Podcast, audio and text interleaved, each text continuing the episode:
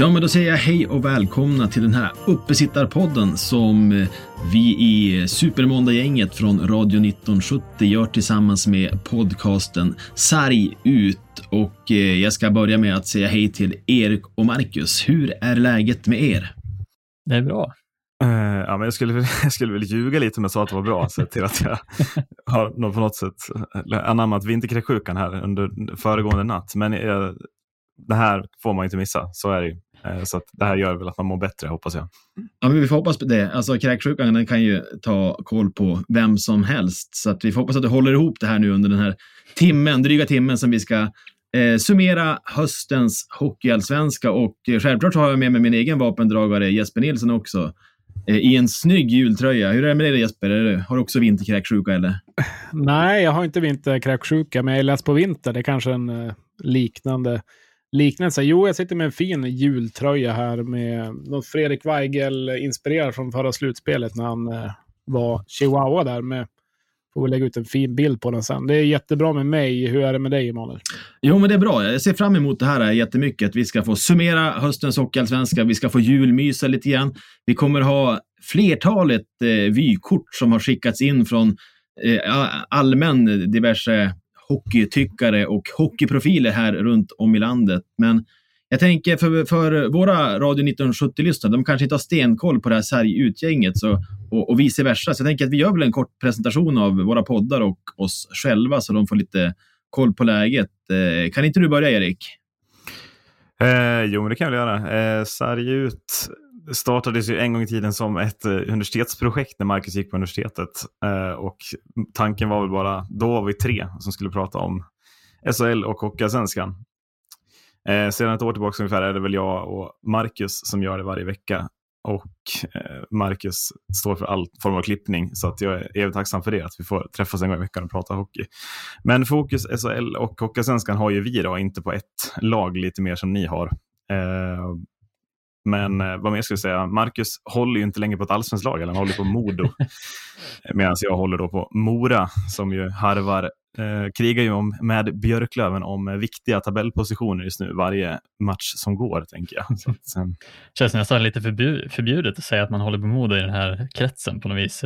Många Björklöven-supportrar kanske som är, är, ni de yttersta rivalerna verkligen, Modo Björklöven? Absolut. Är inte Skellefteå värre ändå? alltså, vi har ju noll procent rivalitet med Modo. Jag ja. känner, känner inga sådana känslor gentemot dem faktiskt. Ja, det är vi som har med er, men ingenting tillbaka. Nej, men det är kanske lite så det är. Ja, lite så kanske det är. Men eh, trevligt att ni är här boys. Tack. Ja, men stort tack för att vi fick komma. Ja, vi gör det tillsammans. Men Jesper, kan inte du berätta då för Sarg-utlyssnarna vad vi är för några tjommar från Umeå? Ja, vi är ju fyra som gör den här podden. Det är ju jag, Jesper, du, Emanuel och eh, Navid eh, Deal och Sebastian Weinen då, som inte är med här ikväll och som gör podden, eller gör våran podd tillsammans, Radio 1970. Vi släpper ju två avsnitt varje vecka. Eh, ett avsnitt släpper vi måndagar, där jag och Emanuel oftast kör. Det brukar väl vara till 95 procent i alla fall. Och där eh, pratar vi om Hockeyallsvenskan i stort. Eh, Eh, inte så mycket Löven, utan mest andra lag. I senaste avsnittet hade vi med Fredrik Söderström som gästade bland annat och pratade lite om Hockeyallsvenskan och ser på den och sådär. Så att där försöker vi ha lite, en gäst varje vecka. Kan vara en spelare, ledare, supporter, journalist eller vad det nu kan vara från något annat lag. Eh, och sen har vi ett till avsnitt där vi bara pratar egentligen Björklöven. Eh, och det är ju Navid och Sebastian som släpper det på onsdagar, plus lite annat här och där. Är det en bra summering, Emanuel? Ja, men det gjorde du, det gjorde du väldigt snyggt. Eh, och vi ska ju se det. Marcus, Modosupporter, han får stå tillbaka lite, lite grann idag. För vi har bestämt att ikväll så då fokuserar vi på Hockeyallsvenskan främst. Och eh, jag tänkte vi skulle börja lite grann hos oss själva. Hur mår man som eh, Mora-supporter så här eh, runt jul? Vad tycker du om eran höst? Eh, nej, men långt över förväntan eh, skulle jag säga. Vi, jag gick väl in i den här säsongen med en tanke att den här backsidan skulle ha enorma problem.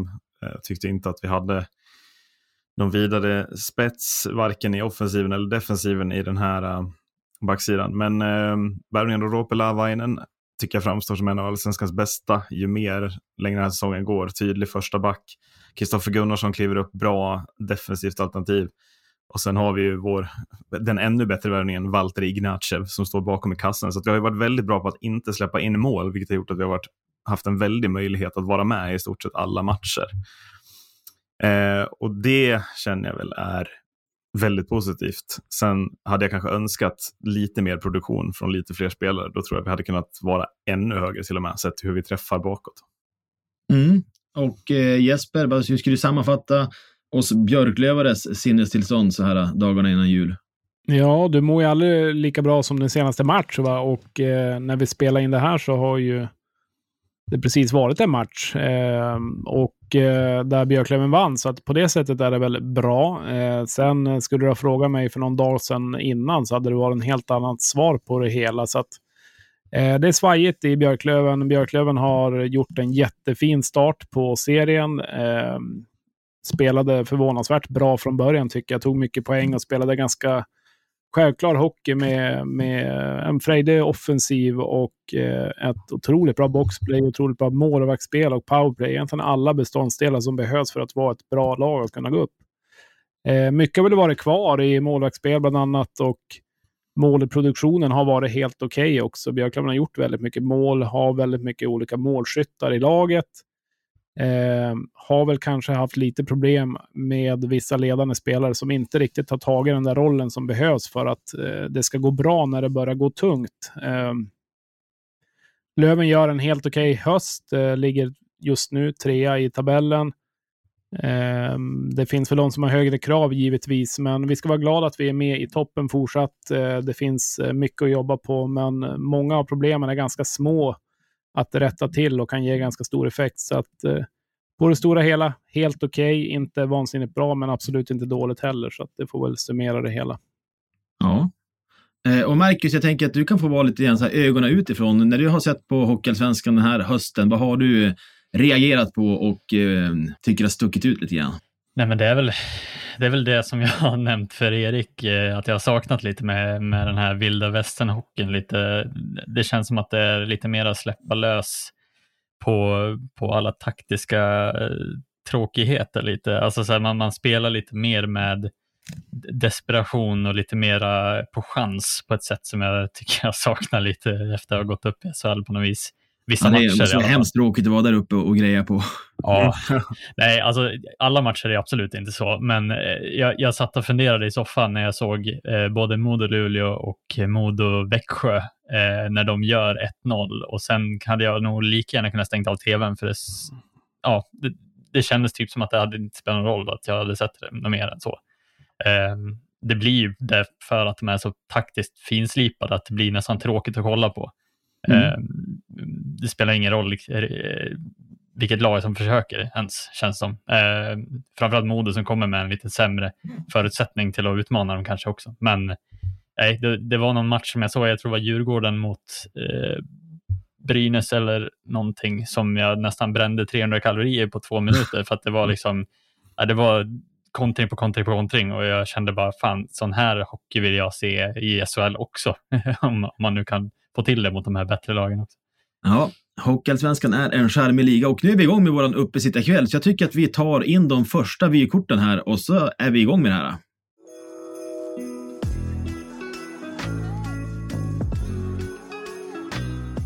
Tjena, Fimpen Eklund här. Eh, jag skulle vilja börja med att ta ut eh, höstens spelare i Hockeyallsvenskan. Det har väl inte gått någon obemärkt förbi alla poäng som Marcus Eriksson gör i Södertälje. Jag får vara liksom lite proffsig och säga Marcus Eriksson för det han är väl den som står ut. Eh, jag, har, eh, jag hade kunnat nämna en massa Djurgårdare men jag tyckte de hade en svag start. Årets prestation, om man nu får göra så, så det är min kategori som jag gör in.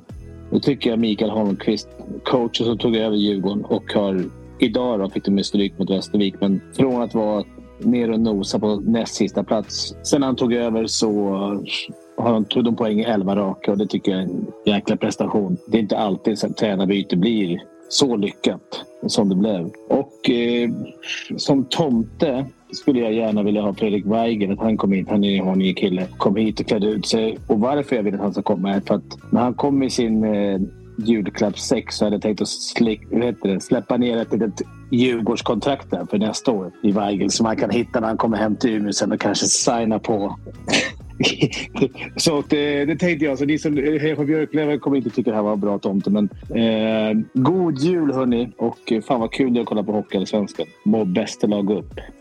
Hej på er allihopa! Det här är Fredrik Söderström på TV4 Hockey som eh, så här i juletider eh, reflekterar över det vi upplever både på isen och utanför isen. Mina tankar och summeringar kring den här oberäkneliga hösten är många. Eh, jag ska inte bli alltför långrandig, jag ska inte fastna i för stora funderingar, men eh, när jag tänker till på vilka spelare som sticker ut så finns det väl många som har överraskat på mig och några som bekräftar sin skicklighet. Jag vill påstå att det är Linus Widell i Södertälje som är den som trots att han har konkurrens av Marcus Eriksson nu ändå håller en väldigt hög standard. Jag gillar sättet han spelar på med den där storleken, yvigheten och skickligheten och han kommer att vara fortsatt betydelsefull för sitt Södertälje. Det är min absoluta övertygelse. Jag tänker också på att hösten har gett mig en del positiva saker, eh, många. En sak som en och annan kommer sätta kaffet i vrångstrupen när jag säger det är att jag tycker att domarnivån har blivit bättre. Det har varit mindre snack, mindre gnäll, bättre leverans från våra domare. Inte att blanda ihop med det som sker i disciplinnämnden för att det är två helt olika komponenter. Där har jag mina funderingar på varför det ser ut som det gör. Men jag trivs med att det är lite mindre gnäll på våra domare. Jag hoppas det kan fortsätta vara så. Sen när jag tänker till på lag som hamnar i kriser så är det ju så här att under den här hösten så har jag sett lag gå från absolut framgång till total bedrövelse och det går ganska fort. Ett lag som hamnar i kris, det brukar innebära ett par steg. Det första är några skarpa samtal. Därefter kommer bowlingkvällen, den som är roten till allt ont eller att det är där det vänder. Och jag får väl faktiskt säga den trösten till er som är Björklöven-supportrar att jag skickar Löven på en ordentlig bowlingkväll och de ska göra det utan sina tränare, för tränare har inte på bowlingen att göra. Tycker gott att Kente kan ta med sig Stråle och gänget på någon delikat restaurang i Umeå. Spelarna får bovla, de får skratta, de får ta en bira eller två. De får reda ut ett och annat. Om de gör det i bowlinghallen, på parkeringen eller var de nu håller hus, det får de själv välja. Men kom tillbaks lite starkare, se till att vända på det för folket i Umeås skull om inte annat. Det där och mycket annat har snurrat i mitt huvud. Jag ska inte hålla er längre än så. Jag vill bara önska er en riktigt god jul. Ta hand om varandra. Glöm inte att höra av er till någon människa som kanske skulle vilja få ett sms eller ett telefonsamtal. Ett god jul från er som skulle värma deras hjärtan. Ha en fin helg. Ho, ho, ho! Merry Christmas! Eh, ja, nej men jag tycker att vi, vi måste ha lite julklappsutdelning, va? Annars blir det ju det är ingen riktig jul om vi inte har några klappar att dela ut. Absolut. Eh, jag tänker att vi, vi delar ut lite klappar till respektive lag vad man vill ge sitt egna lag i julklapp. Eh, du Marcus får ju ge till något annat lag i Hockeysvenskan. Jag vill inte höra någon Modo-klapp här. Så att, eh, jag tänker du får börja som, som har valt ut ett lag där du har en julklapp. Vad, vad, vad finns i tomtens säck? Oj, oj, oj. Det var, det var svårare än vad jag hade förväntat mig på något vis. Men eh, i min julklappspåse, eh, eller vad man nu ska kalla det, så har jag faktiskt valt att dela ut en julklapp till Södertälje SK. Eh, och den julklappen innehåller faktiskt, jag vet inte om jag ska dra ett julrim också, det kanske var oh. lite, jag för mig att det var det. På, på, har, har, du förberett ett julrim alltså? Jag har förberett ett julrim faktiskt nice. på, mm. på det här. Eh, som är följande, ska vi se. God jul SSK, här får ni en rejäl stöttepelare. En kille som kan döda tid och är en klockren boxplay-spelare. Det, mm. jag vet inte om det är bra eller dåligt, men jag tycker att Södertälje behöver någon som faktiskt kan döda lite tid i deras, eh, ja men kanske, det är väl sämsta boxplayet som är i ligan nu väl. Ja. Och ja, det är det jag tycker att de förtjänar helt enkelt ändå anmärkningsvärt på så pass solid defensiv att de ändå fallerar så i, i boxplay. Där kan man ju fundera på vad beror det på egentligen? Ja, det är bra fråga. Alltså de täcker ändå rimligt mycket skott, men jag vet inte riktigt vad det är som gör att de, de hamnar så pass jag vet inte. Det, det känns som att de, de, de, inte alls är lika taktiskt stripade i boxplay av någon anledning. Eh, det är det är svårt att svara på egentligen, tycker jag. Eh, när man ändå har en välstrukturerad defensiv och rimligt bra målis också för den delen. Eh, så att, vad, tycker, vad tror Det ni? känns ju som en väldigt akut, frå alltså akut fråga för Södertälje att lösa också, ty tycker Mm. jag. Alltså att man är nu på väg upp, man kommer ju utmana, som det ser ut nu, till och med om kanske första platsen i serien och att då sitta inne på ett boxplay som knappt tar, tar sig över 70 procent. Där har man ju ett problem som måste lösas, inte minst i, i liksom ett kommande slutspel när, när special teams blir ännu viktigare. Mm. Alltså, Alltså jag har inte koll på läget, men är det så att, att Södertäljes boxplay är dåligt nu också? Eller är det något som hänger kvar sedan en, deras risiga inledning? Ja, så kan det också vara. Nej, jag, jag vet inte, men, men ja, så kan det vara. Ja, eh, vill du tillägga något Jesper? Nej, nej, egentligen inte. Men det är klart att eh, kollar man bara rent statistiskt så eh, du ska gärna vara över 100 och det är de ju inte. Alltså om du kollar både powerplay som inte heller är superbra om du kollar rent procentuellt. Men de har ju eh, vansinnigt fin trupp för att spela ett väldigt bra powerplay. Alltså kolla Marcus Eriksson, kolla Vedell eh, och så vidare. Så att det finns ju kvaliteter och så här ting. Så att det är mer lite små detaljer som, som ska slipas på. Sen kan det vara lätt vara att är du ett väldigt offensivt gla, glatt lag så vill det bara gå liksom för varje chans. Och då kan du lätt gå bort i boxplay också. Så att Mm, mm. lite bara tålamod kan ju räcka ganska långt där. Så att det är också ganska fint att vara etta i serien och ha de grejerna att jobba på också. Det, det känns, nog, känns nog ändå ganska bra att ha lite förbättringspotential när det väl ska dra ihop sig. Ja, verkligen. Eh, ja, men uh, Björklöven-grabbarna här nu då. Jag tänker att ni, ni får ändå dela ut varsin julklapp till Björklöven. Inte en gemensam, Oh. utan en, en var. Björklöven har ju ändå, de har ju varit på tapeten på senaste tid, tänker jag, med lite bristande resultat och speciella resultat på många sätt. Ja, men Ska jag du börja, eh, Okej, okej, då börjar jag. Eh, Mm. Jag tycker att Björklövens trupp är eh, relativt bra. Eh, det saknas inte jättemycket och jag kan tänka mig att Jesper kanske är inne på spelarspåret. Så därför skulle jag väl vilja ge dem någon slags sån här, eh, lite lustgas kanske. För att sådär, eh, bli lite lättare i kropparna och i, i skallen. För jag tror att det sitter otroligt mycket i de delarna. Sen kan man ju spekulera om att det var sjukdom och sådana grejer, men, men det är väl, ska man inte göra. Utan eh, få in lite självförtroende i den här gruppen och eh, då tror jag att det där kan bli riktigt bra. Så att eh, bara julledigt kan räcka. Eh, ja, nej, jag eh, tänkte faktiskt inte spela spåret egentligen, men jag har ju uttryckt eh, att jag vill få in någon eh, liksom arg jävel, någon som verkligen kan bara gå in och batta för sig. Alltså, jag vet när vi hade typ Filip Briska en gång så bara liksom, han drog en tekning och den liksom drog eh, pack-out på andra sidan ungefär om han var i offensiv. Alltså, han var ju han var ju som rejäl i allt han gjorde. Han kom in med en liksom, självklarhet och liksom, vi hade Eh, ja, men alltså, kolla Sam i Modo till exempel, som han tar för sig. Alltså någon stor, stark spelare, som, gärna en center också, som kommer in och eh, sätter tonen. Det kan jag tycka Löven saknar lite grann. Någon, någon riktig general framåt på det sättet. Men det är framförallt jag skulle vilja ge Löven är tålamod eh, i julklappssäcken. Att eh, ta det lugnt, andas ut. Eh, Låt julledigheten vara, komma, eh, vara med familjen och liksom se framåt. Vi ligger bra till i tabellen.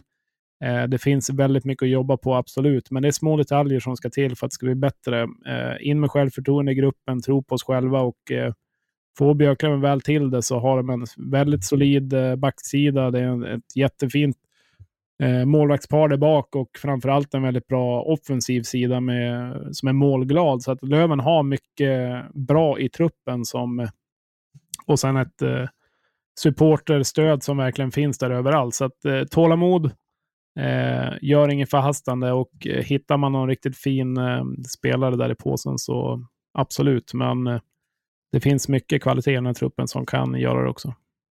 Mm. Du, Erik, om man firar jul i Dalarna, vad vill man ge till sitt lag då? Mm, eh, no, jag tänker någon måste jag väljer väl spelarspåret då. Eh, jag var väl inne på att den här backsidan i Mora har överpresterat, men jag skulle verkligen, verkligen vilja få in en sån som riktig spetsback, en första back som är bra över hela isen, som är bra i powerplay, som är bra i boxplay, som, som kan bidra med poäng framåt också.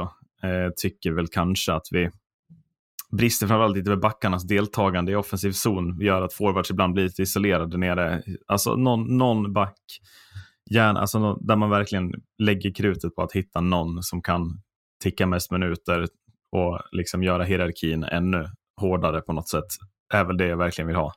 För jag Mm. tror att den här forwardsidan kommer hitta vägar att komma igång mer och mer under den här säsongen ändå. Men alltså, hur ser det ut i Mora? Finns det stålar att eh, göra några förändringar eller måste man fynda i division 1 eller plocka in? Ja, hur ser det ut? Ja, nej, alltså det är väl det som är också problematiskt och det som gör en lite ledsen när man tittar på den här tabellen, ser att vi ligger femma, men inser att Brynäs, Björklöven, Djurgården, Södertälje, det finns nog utrymme för två, tre spelare till inom de här trupperna. Jag är inte ens säker på att Mora kommer ha råd att värva en och framförallt inte en spetsspelare. Vilket, ja, det känns lite segt att vi kommer nog inte kunna vara med och utmana på yttersta nivån för att vi har, saknar helt enkelt för mycket pengar för att göra de här typen av värvningar. Mm. Alltså vet du jag skulle vilja ge till, till Mora-spelarna? Jag skulle, jag skulle vilja ge dem lite drag i ladan. Jag tycker att eh, laget presterar så pass bra nu att, eh, Mm. att eh, Mora-publiken skulle kunna sluta upp ännu mer och bygga den här liksom, lite trycket. Finns det några Ja. möjligheter till det eller, eller Eh, nej, men det är väl, alltså, ska vi vara helt ärliga så är det väl en lite prekär situation, framförallt i supporterled där det är väldigt mycket oense kring ståplats, vad som ska hända där, vilka som ska stå där. Olika grupperingar som är väldigt, väldigt inte överens. Eh, vi gick ju ihop och samlade ihop oss, det var ju när vi mötte eh, det var ju eh, Karlskoga hemma och Brynäs hemma där på två dagar. Och då var ju ståplats helt fullt. Och den insatsen vi gör mot Brynäs är väl liksom, det är ju årets insats alla kategorier. Mm. Eh, Så det är klart, vi behöver, man behöver gå ihop och få det att fungera. Lite bättre tryck i ladan, helt klart. Eh, sittplats finns ju där, men kring ståplats så är det, det är nog inte helt lätt heller, tyvärr. Nej, men för man ser ju hur det ser ut i typ, eh, hos en nykomling som Nybro, där det verkligen kokar på varje match. Så man tänker att, ja, men hur skulle Moras lag lyfta av en sån eh, typ av inramning? Jag tror att det skulle, skulle göra bra för dem. Ja, nej, men det tror jag också. Eh, och det, det är ju gott för alla lag. Det finns väl inget lag som mår dåligt av bättre, liksom, att fansen sluter upp. Eh, men att, att det är framförallt lag som Mora som kommer lite bakom drakarna om man tittar ekonomiskt, som behöver ha, ha den typen av trycket från läktarna för att kunna utmana långt i slutspel. Liksom. Mm. Jesper, jag, ser ju det, jag tänker att du är ekonom i det här sammanhanget. Eh, eh, jag får ju feeling att Djurgården inte har så mycket pengar i deras kista. För att, eh, jag tänker att de går sjukt bra nu sedan tränarbytet, men, men kommer de kunna förstärka? Har du något koll på Eh, läget? nej, nej, egentligen inte. Alltså, redan inför säsongen, eh, eller pushen förra året, eh, har ju, alltså det var ju miljonbelopp som var, var på fel rad. Så att, att Djurgården ens kunde ställa upp med ett så pass la, bra lag i år är väl ganska förvånande egentligen. Så att där finns det inte mycket pengar att hämta. Sen visst att det finns ju ett jäkla engagemang och intresse utifrån. Jag menar, ser de att nu kan vi, kan vi verkligen gå för det och eh, ta in externt, det är väl inte omöjligt, men kollar man rent i egna pengapåsen så eh, är det inte mycket att handla för. Där, eh, där har de kört lite väl mycket på kredit och eh, åkt dit som fan på räntan tror jag.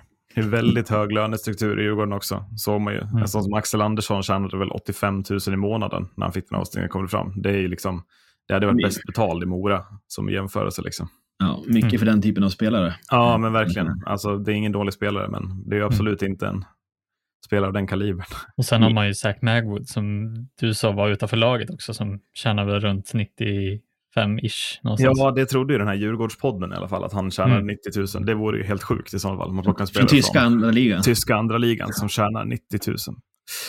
Ja, det är ett men blankolån här ju- Djurgården. väl, då har man ju Ja, då har man ju satt sig lite i skiten så att säga. Mm.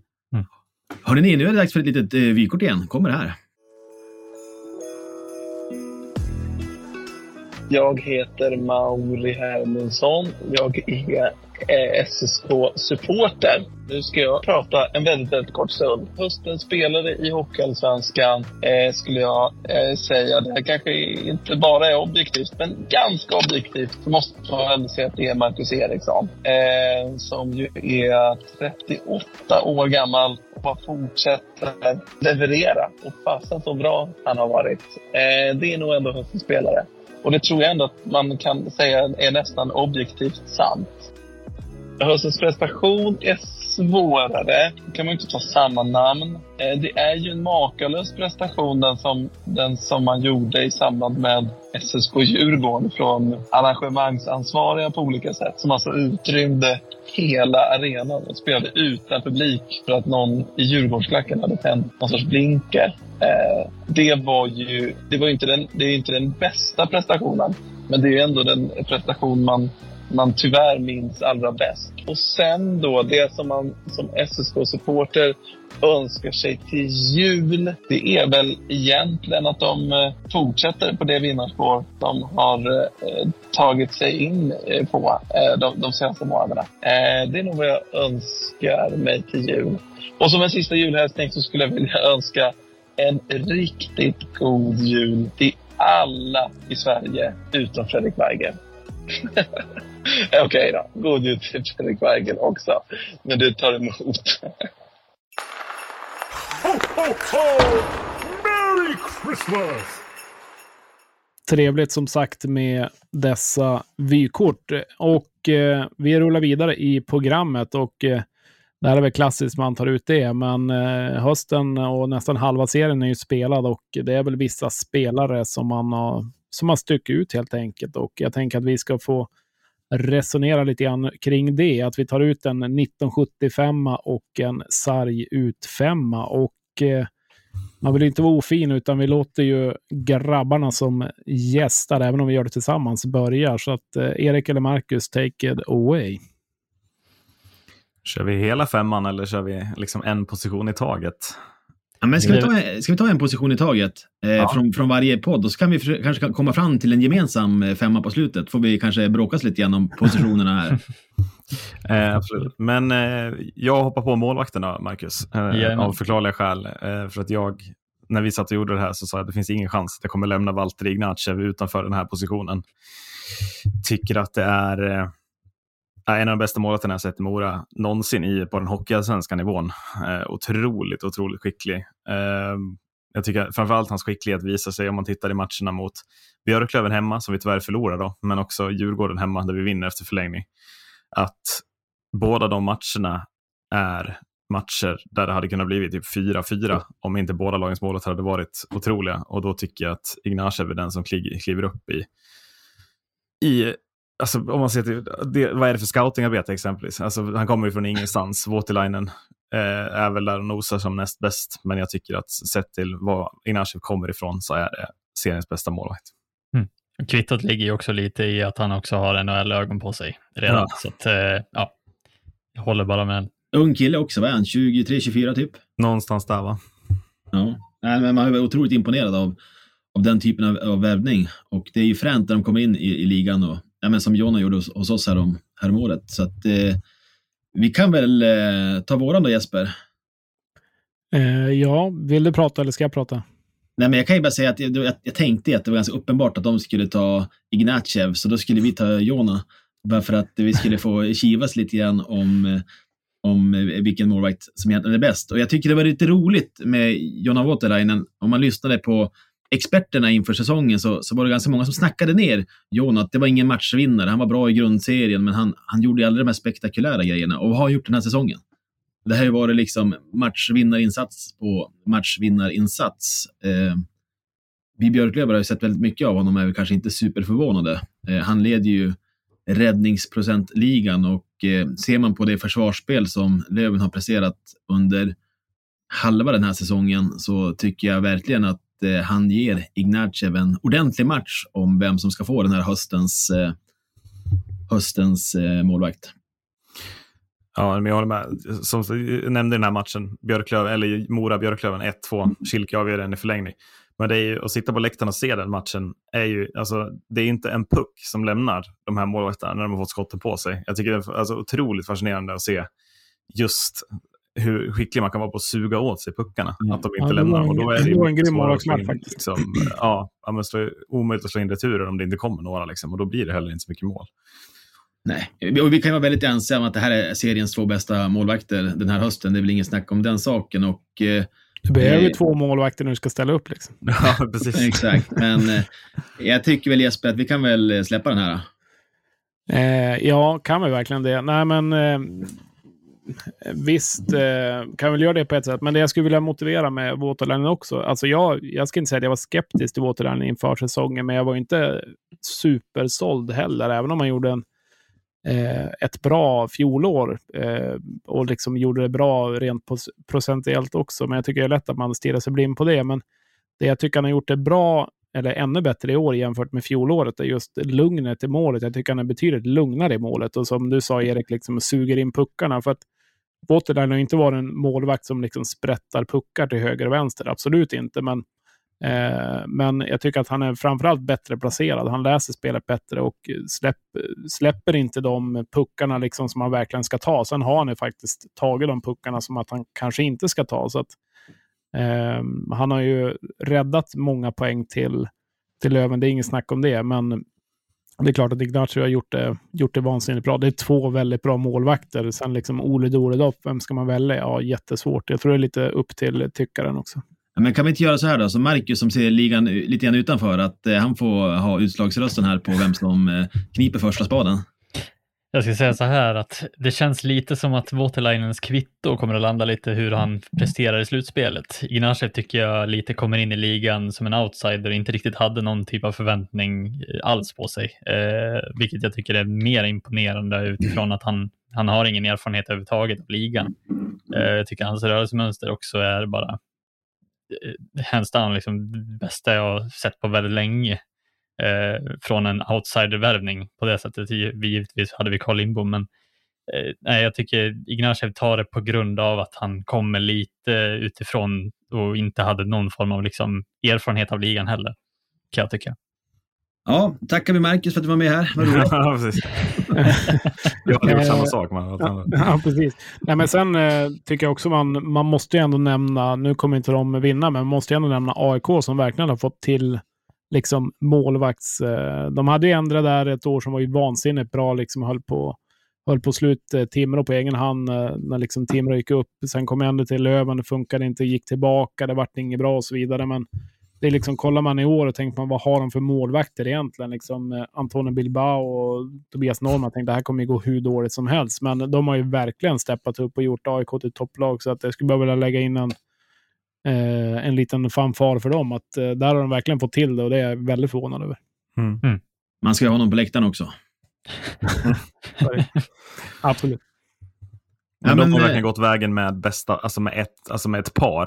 Där Ja. det spelar roll vem som står. Det, det, är ju, det blir lite, det är den, man väljer ju ofta vägar idag. Antingen går man på en tydlig första keeper eller in, inte. Nu gick AIK på den här vägen. Då blir det svårt för någon av dem att bli höstens målvakt i och med att de står Ja, ju. absolut. Eh, snarare att, men det är som du säger, det är imponerande att pricka två målvakter så det spelar ingen roll vem som står så har man en gedigen chans att vinna matcher. Det är också en, en av AIKs stora succéer. De ligger väl trea, fyra nu någonstans. Ja, precis. Nej, men det är ju sjukt. Eh, Men om vi tittar framåt i laget då, och eh, backar är ju bra att ha. Och eh, jag tänker grabbar att ni får börja igen då, Erik och Marcus, vad ni tänker och tycker om backsidan.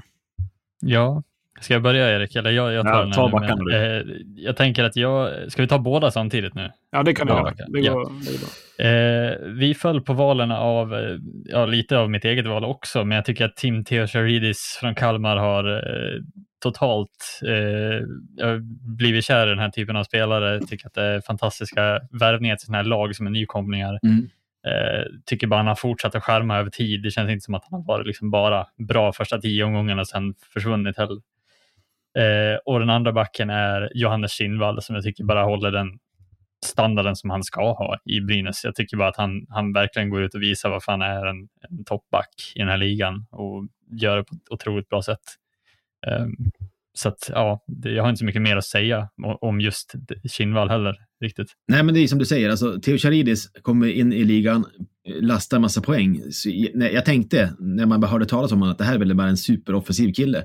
Eh, när man har sett han ett par matcher så inser man att han är ju riktigt bra över hela banan faktiskt. Eh, väldigt imponerad av honom. Och kan jag bara instämma om Kindvall, där har man hö- högt ställda förväntningar och det, det blir inte lika flashigt på samma vis, men det är ju såklart en superbra back. Eh, Men o- om, om vi ska gå över till eh, våra val då, så där är vi ju eniga om eh, Tim Theocharidis, att eh, han eh, ska vara med där uppe. Sen har vi en liten rysare också för att spana på lite andra lag än enbart topplagen. finns även en liten gröngul koppling. Eh, Vem är det Jesper? Tänker Åkerström eller? Jajamensan.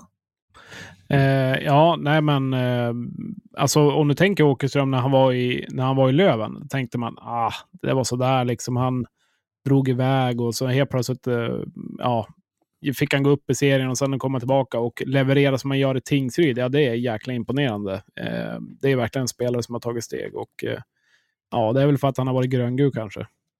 Ja, men han var ju också i Västerås och sladdade runt lite grann va? Eh, Ja, och då gick det inget vidare alls. Nej, och vissa, de- det är som att de har, de har det där att man blommar ut i de här små lagen. Ja. Mm. Eh, vad hette den där backen då? Han som har varit i Oskarshamn och HV71 som också blommar ut i något sånt här eh, mindre lag. Han har också varit i. Löven. Eh, ja, vad tusen heter han då? Ja, skitsamma, jag får bara lite sådana vib- vibbar av Åkerström. Han är ju inte över 30 än, så det finns ju fortfarande utveck utvecklingspotential där. Bengtsson du tänkte på. Exakt, Bengtsson ja. Ja. Nej, men Åkerström också, det är ju också en sån här back som, eh, som egentligen, jag tycker Löven har saknat lite grann. Det är ju ändå en back som kan få igenom puckarna på blå också, är ganska rejäl sådär liksom. Så att, eh, det är ändå en bra spelande back, en, en poängback när han väl får till det. Så att, eh, eh, varför inte köra en utlåning tillbaka till Löven här i slutet på säsongen? Men känns det inte som att Åkerström är ganska satt i Tingsryd och att det är där han ska vara för att vara så här bra? Jo, jag ja, tror inte man ser honom riktigt gå till något topplag och vara lika bra eller samma där. Utan att han, han har sin roll i Tingsryd, den älskar han och det är den han, han följer för att spela powerplay och så vidare. Det hade han inte fått göra i, i lag högre upp i... i Nej, nej, men så är det ju. Så är det, där, att, så är det med många spel. De behöver sin roll. Liksom. Det är lite Ja, om du kollar på. Marcus Eriksson. Ska han ta sig till SHL, eh, som nu många vill se han i, men ja, då Mm. ska han ju få den rollen i ett SHL-lag också. Det är inte så jävla lätt. nej, men exakt. Ja, men eh, Kindvall eller Åkerström, är det så svårt val egentligen? Tycker det är roligare med Åkerström. ändå. Ja, det är det ju. Han, ja, han blir säkert jättehedrad. Vi, vi, ska vi ge det till han? Det vore Vi, vi tar kul. Åkerström, om jag, vill- då vill jag koppla på på samma sätt som eh, du kopplar på Jesper, målvakterna. Men jag, tycker, jag tycker att Brynäs i backparet Simon Bertilsson och Janne Kinnvall, där känns det som att Brynäs har en jäkla spets eh, inför vad som komma skall under våren här. Att det känns som ligans absolut bästa backpar. Eh, utan riktig konkurrens vill jag nästan säga. Ja. Ja, nej, men egentligen kanske Kindvall ska få det också såklart, men eh, han ska ju vara bra, om vi säger så. Då. Eh, Ja. Å- Åkerström eh, ska ju inte vara så här bra eller så framträdande heller, så att det blir väl lite mycket på grund av det. Lite som Ignacio också, liksom, att Voutilainen förväntar man sig ska vara bra. Så att, Mm. eh, det är klart att det blir lite de som kanske har överraskat också. Så att, eh, eh, sorry Kindvall, men eh, du får sitta på läktaren. Eh, men vi behöver ju lite spelare framåt för att komplettera laget eh, givetvis. Och eh, eh, forward, jag vet inte om vi ska börja med, med center kanske, om vi bara tar alla tre. Jag vet inte vad ni tycker själv grabbar, men eh, ni får börja som vanligt. Take it away, Erik. Vi tar, vi tar center då, så gör vi det. Bara för att segmentet ska bli ännu mer spännande. Ja. Eh, här tror jag, att- vi tror väl att ni kommer hålla med oss här när vi säger att höstens center är Miles Powell.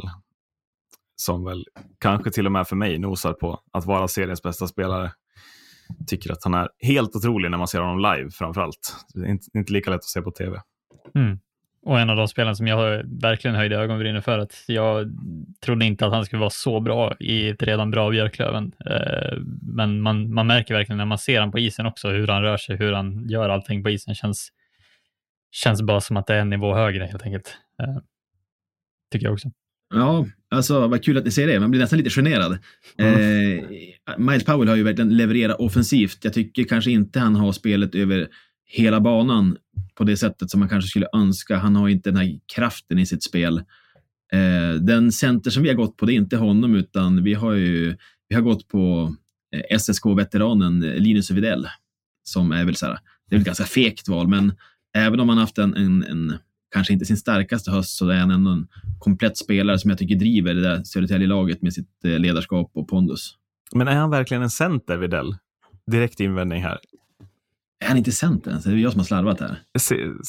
Är han center? Han skulle nog kunna vara, men jag ser honom nog som ytterforward. För det är väl, i den här superserien nu så är det väl Engsund som lirar center mellan Widell och Eriksson. Har du rätt i? Han kanske aldrig varit center. Det var jag som tänker det. Men han kan vara center idag. Han kan vara center i er kedja, det är helt lugnt. det, Ja. det är ni som väljer Men, men kedja. alltså, går man in här nu på Elite Prospects så står han både som, som wing och center. Ja. Eh, Så att eh, vi står fast vid eh, Linus Widell. Det tycker jag ni ska göra. Vad får er att inte ta Powell under mig direkt? Eh, men ja, Paul har ju varit bra, men eh, jag, vet, jag vet inte om man... Det är väl ingen spelare man pratar så där vansinnigt mycket om heller egentligen. Alltså om du kollar typ sociala medier eller kollar runt omkring. Det är inte så liksom någon hype alls kring Powell egentligen, men han smyger så med. som idag, han gör något mål mot, eh, mot Östersund. Liksom, han, han är som bara där. Det, det tycker jag han har gjort det bra. Att han, är, han har varit bra på att liksom vara där, stå rätt och så vidare. Men sen om du kollar rent spelmässigt, typ som Kilki, Eh, liksom när han väl har pucken och liksom kan finta bort tre, fyra killar och liksom verkligen sticka ut så gör ju inte Paul det. Men han är ju smart. Han är lite som Zlatan egentligen som, som tar inte den onödiga energin utan står med på rätt läge när det väl ska vara. Så att, eh, jag vet inte. Det kan vara att han inte syns så mycket. Han syns inte så mycket och hörs inte så mycket, varken i tv, utanför och så vidare, utan han gör bara med sin grej. Så jag tror han mer bara flyter med lite grann. Mm. Mm. Nej, men ska jag då återkoppla till min julklapp som var lite lustgas och gott självförtroende till Lövenspelarna så då ska jag kunna gå med på att vi tar Miles Powell som center i vårt lag. Absolut. Eh, men om man kollar eh, Vinge, Vinge då, eller Vingar. Eh, vad har vi hittat där grabbar? Ja, eh, båda samtidigt. Ja, ja. ja. båda levererade. Nej, men jag tycker det, det, är väl två, tycker jag, ganska ohotade vingar eh, i vår kedja. Jag vet inte vad ni har valt, men vi har valt Marcus Eriksson och Viktor Nilsson. Marcus Eriksson som har totalt sprutat in poäng i eh, SSK. Man hade väl lite tro på att det skulle gå lite trögre i ett bättre lag på något vänster, hade i alla fall jag en tanke om, men eh, han visar ju verkligen upp en nivå som, som är svår att, att se förbi och även för SHL-lag tycker jag, eh, även om det kan vara svårt att få in en, en så pass gammal eh, vinge i, i ett SHL-lag så tycker jag verkligen att det bör höja på no några ögonbryn uppåt också. Jag tycker att han gör ett, han spelar den hockeyn han, han gjorde innan och han gör det fantastiskt bra och kanske den bästa passningsspelaren vi har sett någonsin i Hockeyallsvenskan. Um, sen eh, Victor Nilsson tycker jag. Det, det, är väl bara också kvittot på att det är runt 14 lag, tror jag Gradin nämnde, som är på honom och, och vill värva honom till SHL också. Så att, två, två SHL-kompatibla spelare tycker jag, eh, som bara har gjort det otroligt bra hittills. Men är det bättre passningsspelare än Strömberg? Det är ju frågan. Det är fan frågan. Jag tänkte samma sak. ja, men jag tycker så här, man blir så himla glad för Marcus Eriksson att det går bra. Han har, liksom, ja. han har spelat för sitt liksom, hjärtas klubb hela karriären. Han får komma iväg nu på ålderns höst och uh, verkligen så här, visa upp att han är svinbra.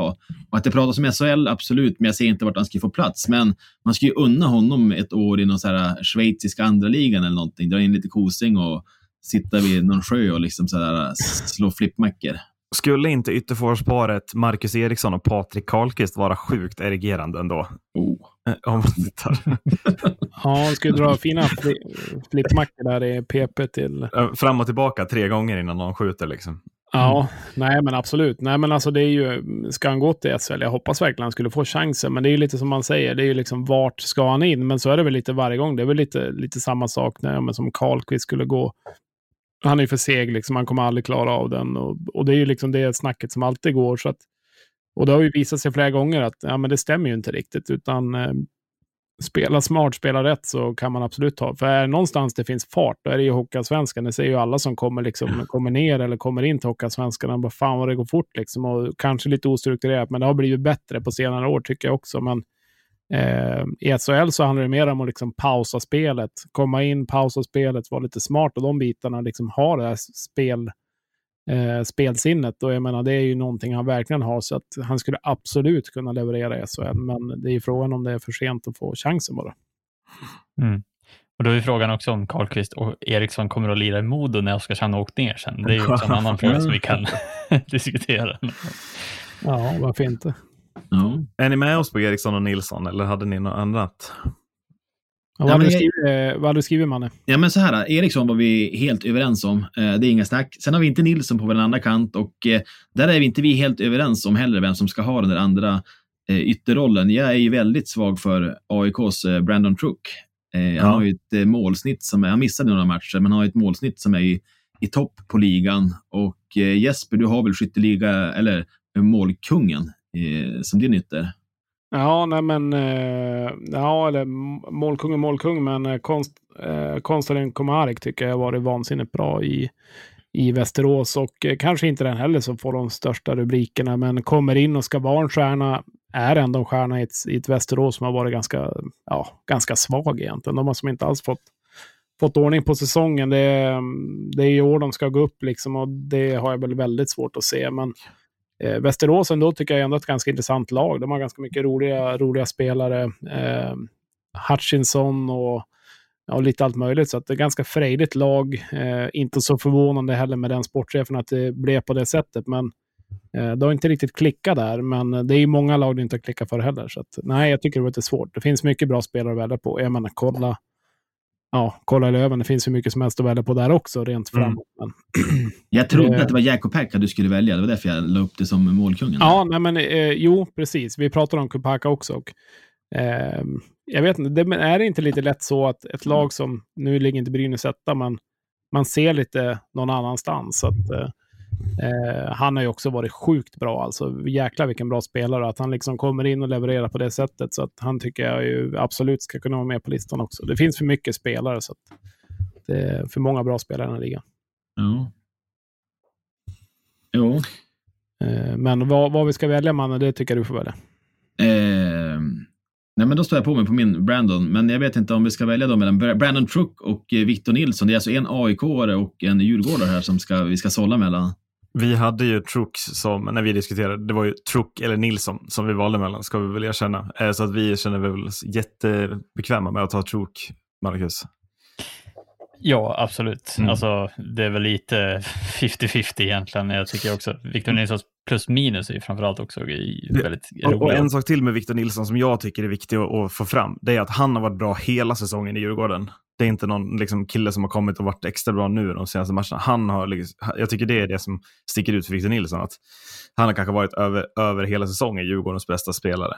Eh, och det är ganska starkt gjort av någon som är, eh, hur gammal är han? 21 va? För Ja, men exakt. Det är väl liksom grejen att han är bara 21 år gammal. Det är ju verkligen en parameter i det hela. Ja. Eh, hade vi sagt att vi skulle ta med en tränare också? Eller ska Nej, vi jag tänkte precis säga det, att eh, vi har inte sagt det, men det är klart vi måste göra det. Det måste ju vara någon som leder laget, så att eh, det, det tar vi på uppstuds. Så även om det är ingen som har tänkt ut något, så absolut att vi ska ha med en tränare. Vad säger ni där grabbar?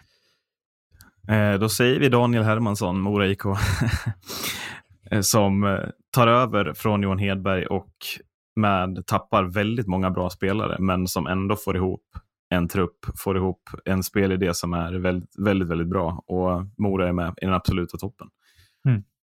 Och det var väl någonting jag sa till Erik innan också, att jag tycker att det var det mest imponerande med Mora helt och hållet egentligen. Inte bara, alltså, jag tycker inte att spelarmässigt, det ser ju ganska liknande ut med några justeringar, men jag tycker att just det taktiska framför allt har varit det som stått ut för Mora också och varför man ligger där man gör också. Jag tycker man gör det otroligt bra med den rekryteringen på något vis, helt oförväntat på något vänster. Mm. Jag tänker så här, det har ju kommit in ganska mycket nya tränare i den här ligan som har varit rätt intressant att se. Dennis Halland går lite kräftgång med sitt eh, Bofors. Eh, men jag tänker på en som Viktor Torala som verkligen har eh, tält guld med ett Kalmar som ingen hade några förväntningar på. Tommy Samuelsson, det är klart att han finns det höga förväntningar på, men ändå, han har ju levererat också med, med sitt Nybro. Och en som absolut inte går att eh, förbise, det är ju Honken Holmqvist i, som kommer in i Djurgården då Garpen får kicken och eh, de har ju gått på vatten sedan dess. Vad har han Poäng gjort i det här laget? Ja, men ja, de torskade nu mot eh, Västervik av alla lag till slut. Men alltså, vad, har han gjort, vad har han gjort med det laget? Ja, nej, det är ju...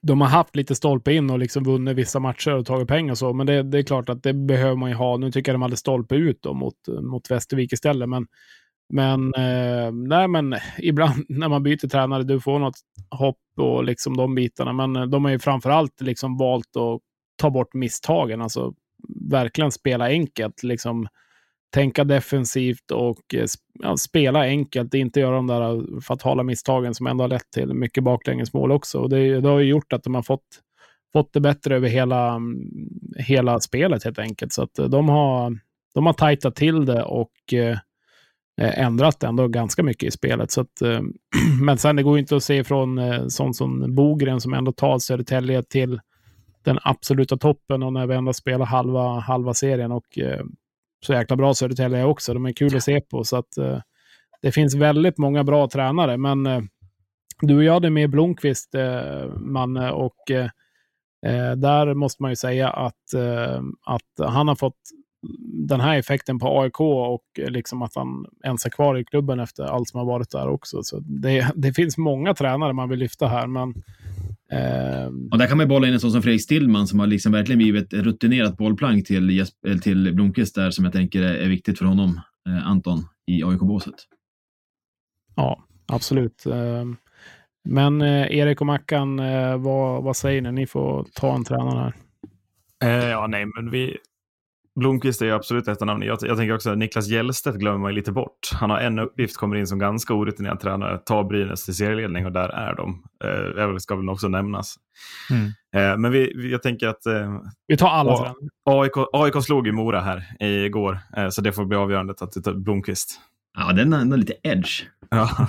Ja, nej, men eh, absolut. De ligger ändå fyra i tabellen och eh, de har gjort det helt klart bra. Men då har vi ett lag där. Vi har Blomqvist som coachar det här stjärntäta laget. Vi har Ignatjev, eh, vi har Theo Charidis, Åkerström, Powell som centrar med Trock och Eriksson. Så att eh, helt okej femma, va? Det får man säga. Eh, ska vi ta lite fler vykort?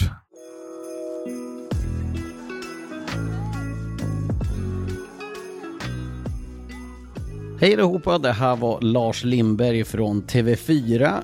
Umeåbo som kanske då adderas till någonting i dessa juletider. Så jag får liksom ni, majoriteten i alla fall som lyssnar på det här, misstänker jag har någon form av koppling till Umeå. En vit jul, och det är ju faktiskt trots allt det viktigaste för en jul utan snö är ingen jul i min eh, mening.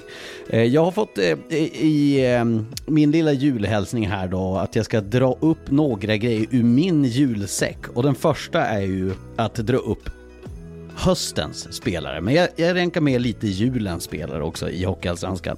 Och den första som, som ju klingar upp då mellan eh, bjällrorna på, på huvudet, det är ju Marcus Eriksson. För han har ju varit alldeles fantastiskt eh, i Hockeyallsvenskan den här säsongen. Men det är också nästan lite för tråkigt svar för att det ska vara relevant eller ens säga någonting med tanke på att det är så uppenbart. Men det är en charmerande spelare. Men jag slänger in som brasklapp då. För jag vet att eh, tidigare under säsongen så sa jag det att eh, Jonna Voutilainen, att han eh, har varit en bra hockeyallsvensk målvakt men han saknar den där förmågan att avgöra matcher. Det är en, ett attribut som jag tycker att han adderar under den här säsongen. Så när Jonna Voutilainen har varit som bäst utan sjukdomen så skulle jag säga att Marcus Eriksson och Jonna Voutilainen får det där priset att dela på på något sätt. När det kommer till eh, eh, min andra grej som vi ska ta ur den här julsäcken så är det höstens prestation i Hockeyallsvenskan. Och det skulle kunna vara många, men eh, det som sticker ut i min mening är väl lite grann att det är, eh, det här blir ett jäkligt luddigt svar. Men jag tycker att det är kul att Hockeyallsvenskan, att det liksom inte har dragit ifrån något lag. Utan prestationen blir att det är fler lag än vad jag trodde som kan adderas till den här toppstriden i att vi har en topp 6, ja, en topp 6 egentligen. I fjol kändes det som att det handlade väldigt, väldigt mycket om Djurgården, Modo och Björklöven. Södertälje och Mora kom liksom aldrig upp i de topparna riktigt. Så min julgrej med prestationen är väl egentligen att det är fler lag som har visat att de kan vara med där uppe. Och med det sagt så är det väl också bristen på prestation som nästan är summeringen. För det är ju faktiskt så att eh, anledningen till att folk inte har dragit ifrån är att att topplagen har haft för mycket problem helt enkelt. Eh, och sista grej, så fick jag en fråga om eh, vad som är höstens bästa, roligaste tv-ögonblick kopplat till Hockeyallsvenskan. Och jag måste nog säga, det här blir otroligt subjektivt och personligt själv. Men eh, jag och Fredrik stod mellan båsen mellan Brynäs och, jag tror det var Djurgården i Gävle för några månader sedan. Och eh, vi skulle göra en intervju inför den andra perioden, så som jag oftast gör. Och eh, vi skulle intervjua Jakob Blomqvist. Det här går att se på TV4s eh, sociala medier om man vill se det. Och det var inga konstigheter, utan vi stod och väntade där. Fredrik avbröt sitt resonemang på grund av någonting för att han skulle säga ja men här kommer Jakob Blomqvist. Och jag sträckte ut mikrofonen och väntade på att Jakob Blomqvist skulle komma dit. Men Jakob Blomqvist åkte bara rakt förbi och vi, vi tog det här lite på uppstuds och skrattade väldigt mycket för oss själva. Jag förstår att det här blir väldigt internt nu. Men det såg så otroligt roligt ut att både jag och Fredrik kollade bara på varandra och liksom i fullt skratt skrattade bara åt... Nej, han dissade oss. Och då ska jag säga, tilläggas till det här att Jakob Blomqvist är en väldigt... Eh, en hedersman, en rakryggad herre som aldrig någonsin skulle göra någonting eh, taskigt mot någon. Så det var ju helt enkelt kommunikationsmiss. Det här låter inte så kul när jag berättar det. Men om ni går in och tittar på klippet på TV4 sociala medier, skriv Jakob Blomqvist eh, dissar TV4 eller någonting. då kommer ni hitta det. Så det är väl lite grejen av det som har stuckit ut för mig i den här hösten. Nu kommer ju faktiskt det roligaste. För det första att det blir ljusare ute, det längtar alla till. Och sen att vi har ett slutspel som är runt hörnet. Hoppas ni har en riktigt god jul, att eh, ni får någonting kul ur, ur julesäcken och framförallt att nära och kära har det bra, för det är det det handlar om. God jul på er! Hallå alla hockeyälskare! Mikael Daggen Eriksson här. Eh, jag ska vara med här och köra ett litet vykort för er inför julen. Och jag vill ta ut höstens spelare i Hockeyallsvenskan. Enligt mig är Marcus Eriksson. Marcus Eriksson kommer alltså till Södertälje efter att ha dominerat Hockeyallsvenskan i så många år i Vita Hästen. Var jag lite orolig för att han skulle ta den här topprestationen upp? Lite kanske, men som han har dominerat. Han har alltså varit en gigant på isen. Elegant i sin passningsgeni, han är skridskoåkare. Han har i princip allt. Och vet du vad? Jag hoppas att han får chansen i SHL till nästa säsong. För det är han faktiskt värd.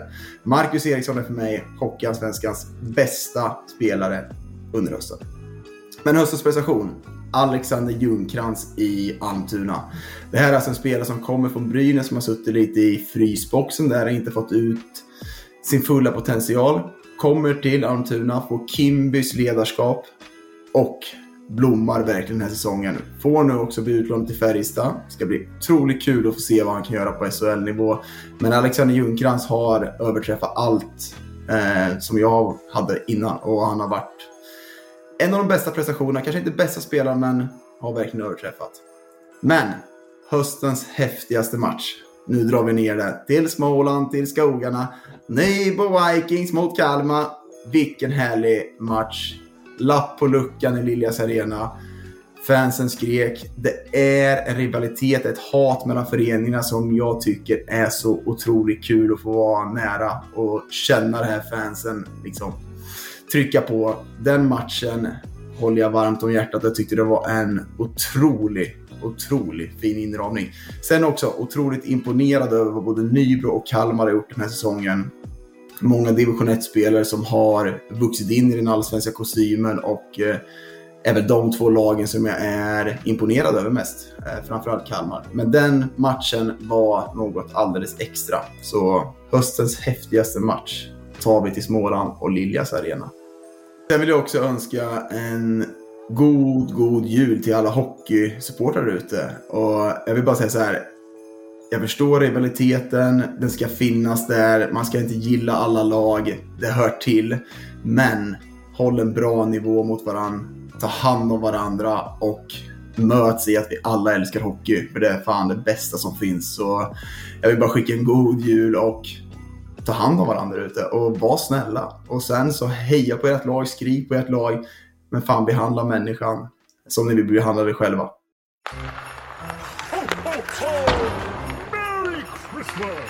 Skickligt. Kommer in framför mål och gör mål! Sitter ni bara och snackar igenom hur matchen har varit eller vad gör ni egentligen? Ja grabbar, då har vi kommit fram till höstens topp och flopp.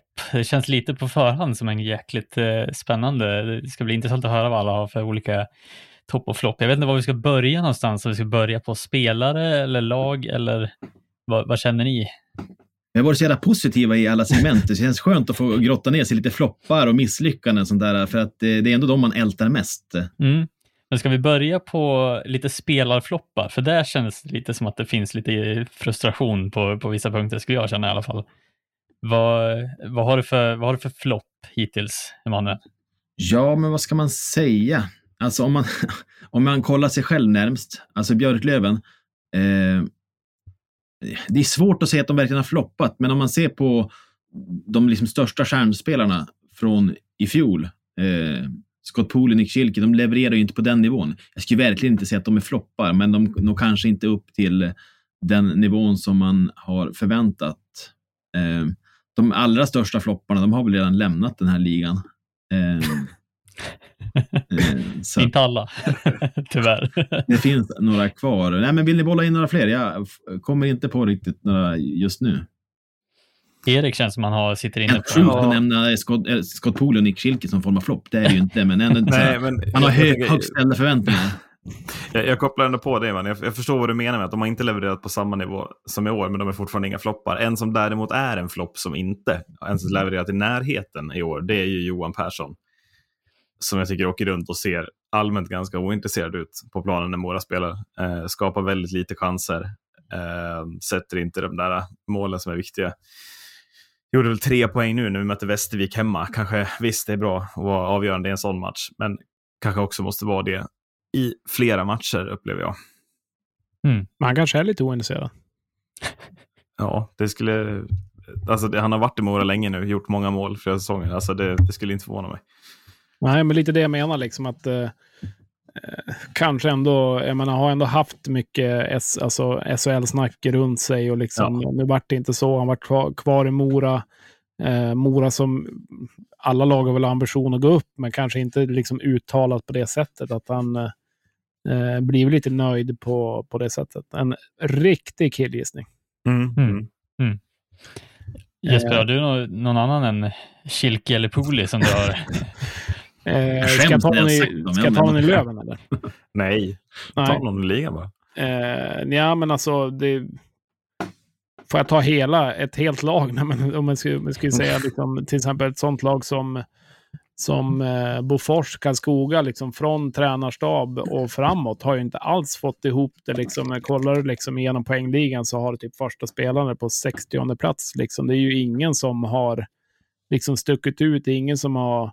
De började ju svindåligt, sex raka förluster, spelade i och för sig ganska bra. Sen tog de ju åtta liksom, poäng, eller vann av åtta av tio stycken och började liksom komma upp. Men sen har det ju, har det ju inte alls släppt eh, en sån som eh, ja, men en sån som till exempel Gustav Torell, Svenningsson och så vidare. Det är många som inte riktigt har fått ihop det. Och det är klart att när laget väl går dåligt så då går väl alla dåligt lite grann. Så att det finns väldigt mycket att jobba på där. Eh, nu eh, tror jag inte de kommer hamna i ett kval neråt och inte åka ut heller för den delen. Men en sån som Dennis Hall hade vi med i podden också inför säsongen. Gjorde ju det superbra med Hudiksvall, men uh, har inte alls fått ihop det riktigt. Uh, där tycker jag ändå att Karlskoga har gjort det bra, som ändå har tålamod. Jag tror att det är väldigt bra tränare som, som helt klart kan få till det, men nu är de liksom, ja, vart ska de ta vägen? Östersund också. Mm. Superflopp, jättedåliga faktiskt. Vi hade någon träningsmatch inför säsongen, Emanuel, när Östersund var på besök och man tänkte vad är det här för någonting? Och ja, det har inte alls... De har inte fått Kommer du ihåg den matchen? Eller? Ja, absolut. Det såg ut som ett division 1-gäng. Och eh, jag tycker att deras backsida, de har många liksom ganska rutinerade backar, men de får inte ihop det där riktigt. Eh, det tycker jag är synd. Alltså, vi norrlänningar, vi skulle gärna ha kvar Östersund istället för ännu ett Smålandslag. Så att, eh, jag hoppas det, det skulle ju även vi i Dalarna ha kvar Östersund, hellre än eh, Smålandslag 37. Så att... Eh, ett lag som vi inte har pratat någonting om nästan, men det jag vet att det gnisslas väldigt mycket, det är ju Västerås. Eh, ja alltså, högt ställda förväntningar. Karl Helmersson kommer in som tränare. De gör någon slags import-take på det hela, lite alla Löven. Men eh, ja, det har inte riktigt kuggat i, men de är inte riktigt avhängda heller. Vart har vi Västerås?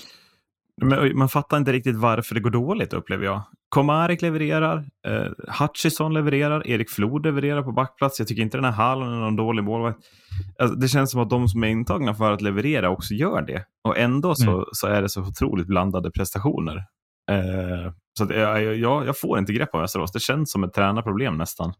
Mm. Men... Eh, det känns så otroligt skakiga i, i alla lägen. Alltså det känns som att de tappar märkliga poäng. De är alltid liksom så här, tycker man ser likheter med när, när Modo mötte dem också tidigare under de säsongen som de var eh, i Hockeyallsvenskan. Det känns liksom som att de aldrig liksom får den här edgen oavsett om de har de absolut bästa toppspelarna i världen. Alltså det känns som att det, det inte spelar liksom ingen roll vad Västerås ställer ut på banan, så känns det alltid som att de tappar någon form av edge hela tiden. Vilket är väldigt märkligt. Ja, när man har kollat ja, men något som absolut inte har fungerat där, det är ju om man skulle ge någon julklapp till Västerås så är det väl att hitta någon ny målvakt då, som kan gå in och leverera. Där har det varit väldigt svajigt bakåt, äh, även om det inte varit världens bästa försvar. Han var ju en kung mot oss, den här äh, finnen där. Han tog ju varenda Ja, jo, absolut. Mm. Alltid. Men en annan som verkligen har underpresterat har vi inte gjort någon poäng på, jag vet inte hur många matcher. Det är ju Jakob Olofsson i Löven har ju varit helt osynlig, alltså egentligen sen senaste hjärnskakningen. Han har haft mycket hjärnskakningsproblem och det är klart att det kan sitta i, men eh, har inte alls fått till det på något sätt. Ni vet inte om han gjorde något poäng här mot Östersund, men annars så där har det verkligen gått att stå. Jag tycker han var super, super bra i Löven när han kom, kom in här eh, sist, gick verkligen in och dominerade och var den här spelaren som man lite är ute efter. Gå in och bara liksom ta för sig. Men nej, där eh, ger han väldigt mycket självförtroende i julklapp i alla fall. Mm. Vill ni höra på en, eh, en flopp som ni alla kommer att hålla med om, kanske? Som, som jag har lagt som flopp eh, i den här ligan och Mm. det känns som att eh, det vore konstigt om ni inte håller med mig egentligen. Men eh, jag skulle säga att Anders Lindbäck är den absolut Ja. största floppen hittills med tanke på de förväntningar som man har på en sån spelare som kommer med den eh, rutinen och eh, de, de förväntningar som man, som man har på honom. Vad säger Ja, ni? nej, ja, och det har ju varit fatala misstag också. Alltså, vissa mål har ju varit riktiga supertabbar och eh, har ju inte alls eh, varit populära i Brynäs-kretsar. Men eh, kollar, man, kollar man rent eh, vad det är för målvakt och liksom vart han kommer ifrån och sådana bitar så nej, men det håller jag med om. Det har ju varit en, eh, en superflopp, absolut. Även om det var många Brynäsare inför säsongen som var lite eh, oroliga, men det har ju inte varit bra. Så är det ju. Mm. Måste inte Brynäs typ värva en målvakt? Eller ska man förlita sig på att Klara är en tillgod, fullgod liksom backup inför en vår med? Nej, men det kommer de att göra. Alltså, jag skulle ju bli superförvånad om de inte värvar en målvakt. Ja. Så att, eh, det, det vore rent tjänstefel. Eh, Halak eh, har ju gått ut och sagt att han vill till Sverige, så att varför inte ringa upp eh, den gamla målvakten? Och tala om att lägga dyra värvningar. det är någonting som Brynäs inte har gjort nog av i år. Eh, ja, nej, det känns ju helt otroligt att, att jag, jag är fortfarande helt ställd av den, försöker, den plockhandsken han försöker ta på klubbhandsidan och missar. Södertälje det är den, som, ja, den som fortfarande jag har Ja. mardrömmar om, även om jag inte håller på Brynäs. Eh, kan tycka att det, det är liksom en frustration som ligger hos mig, det, det man tycker att målet ska ta sådana puckar, men nej, tydligen men- inte. Det är ju också en spelare som, han, han är ju väldigt duktig med klubban och vill ju spela mycket med klubban, men, men eh, det har ju också blivit, blivit lite fel där. Alltså det är ju många mål som har blivit till av att han är ute och, och svänger helt enkelt. Så att eh, Mm. in, in i målet och hitta lite lugn. Men för egen del så får de gärna fortsätta med det målvaktsparet och inte hitta. Men man ska också säga att hit, ja, men säg som Modo när de hittar Bartosak till exempel i slutet på på den säsongen och är ju liksom super, super, super bra. Så att eh, och hitta en sån målvakt, det gör man ju inte bara sådär att det ska funka heller. Så att det, det är inte lätt heller att hitta en målvakt som ska gå in och bara liksom vara toppen. Eh, Målvakterna som är riktigt bra, de är ju inte lediga heller. Så att det är ju att kolla Finland när, ifall det blir någonting där. Liksom så. Men Mm. annars så är det ju inte, det är inte lätt att hitta en eh, supermålvakt i slutet på säsongen. Nej, jag, jag, jag sa ju det i vår podd efter vi hade blivit utskåpade av Brynäs här senast. Eh, att eh, på Alsens to-do-list eh, resten av säsongen så står det att värva en målvakt och så boka festlokal för, för segerfesten. För att får de en riktigt bra keeper så då kommer de vara otroligt svårstoppade. För att nu tappar de mycket matcher på att eh, bara med båda målvakterna bjuder på lite väl enkla Men mål. för den matchen där mot er, när Brynäs Ja. vinner med 5-4, det är väl det bästa exemplet. Brynäs är väl, alltså med en bra mål i den matchen blir det väl 1-5 nästan. Ja, ja, absolut. Och då är, Ja. då är det Klara som står den matchen från start. Och Ja, Linde kommer in och håller nollan sen. Men det är ju Nej, tre men Brynäs mål. var ju bättre hela matchen egentligen. Förutom första fem kanske, när Löven gick på någon form av rus. Men annars så var det ju Brynäs på hela slanten. Mm. Bartosak finns ju på marknaden, ska ju också nämnas. Ja, eh, bara, bara om det är någon som lyssnar från Brynäs. Eh, men ska vi gå vidare också? Eh, jag vet inte om ni hade någon fler floppar som ni kände att ni behövde lyfta. Eh, varken lag. Vi, jag tyckte vi nämnde både lag och, och spelare, men om vi ska gå vidare till eh, lite positiva saker också. Om du har Erik, någon, någon typ av spelare som har överraskat på dig hittills? Eh, ja, men en spelare som väl verkligen, om vi går tillbaka till Västerås, men det, var ju, alltså Komarik, att han skulle leverera var det ju, det visste man ju. Men att Kyle Topping skulle leverera typ mer än ett poäng per match, kommer från schweiziska andra ligan. Eh, såg då inte jag i böckerna eh, överhuvudtaget.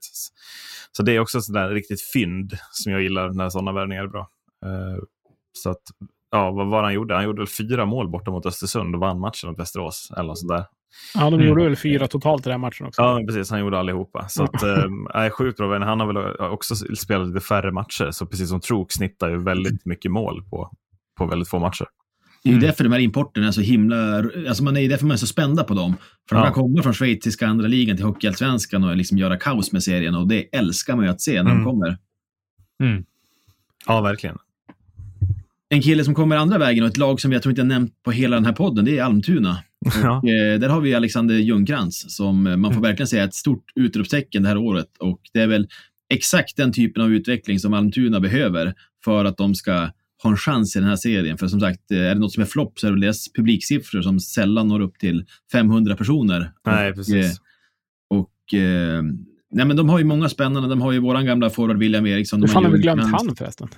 Eh, va? Alltså, varför har vi inte pratat om han för? Det är jävla tjänstefel. Jag går och lägger mig. Mm. Exakt, och jag tycker även att Elliot E- Ekmark som vi fick eh, spana på i Björklöven i fjol gör det också väldigt bra i Almtuna. Så att, eh, där tycker jag att man har tre stycken toppar i ett annat eh, ganska anonymt lag.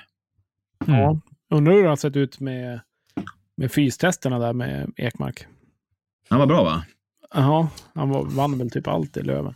Jaha. Eh, nej, men eh, absolut. Alltså på tal om fystest bara, en kort passus.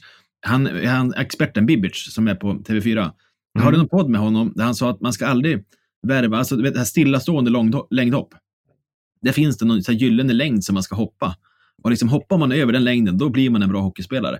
Lyckas man inte det, då är det inte lönt att värva killen. Eh, så det, skulle vilja ha med något svagt minne av det där. Det vill man ju ha en hel Man kan ta liksom, ett segment om i en podd. om man kan byta karriär. Ja, det får vi följa upp så småningom. Ah, kort passus.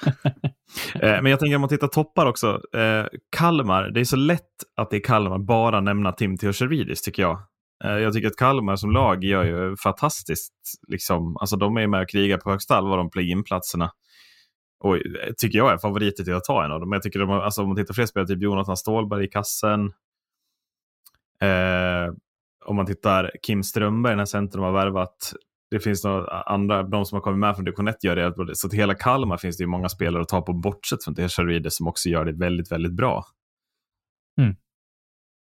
Absolut. Nej, men, eh, jag håller med. Det är alldeles för lätt att, plocka eh, sådär bara. Ehm, jag tycker Kalmar tillsammans med de som jag också har valt som, som topp, eh, Nybro, eh, som, som båda två tycker jag kommer in och på något sätt höjer ligans status lite i förhållande till att man, man kommer som två nykomlingar här och, och verkligen visar, visar att det här det är möjligt och eh, landa högre upp än bara topp åtta.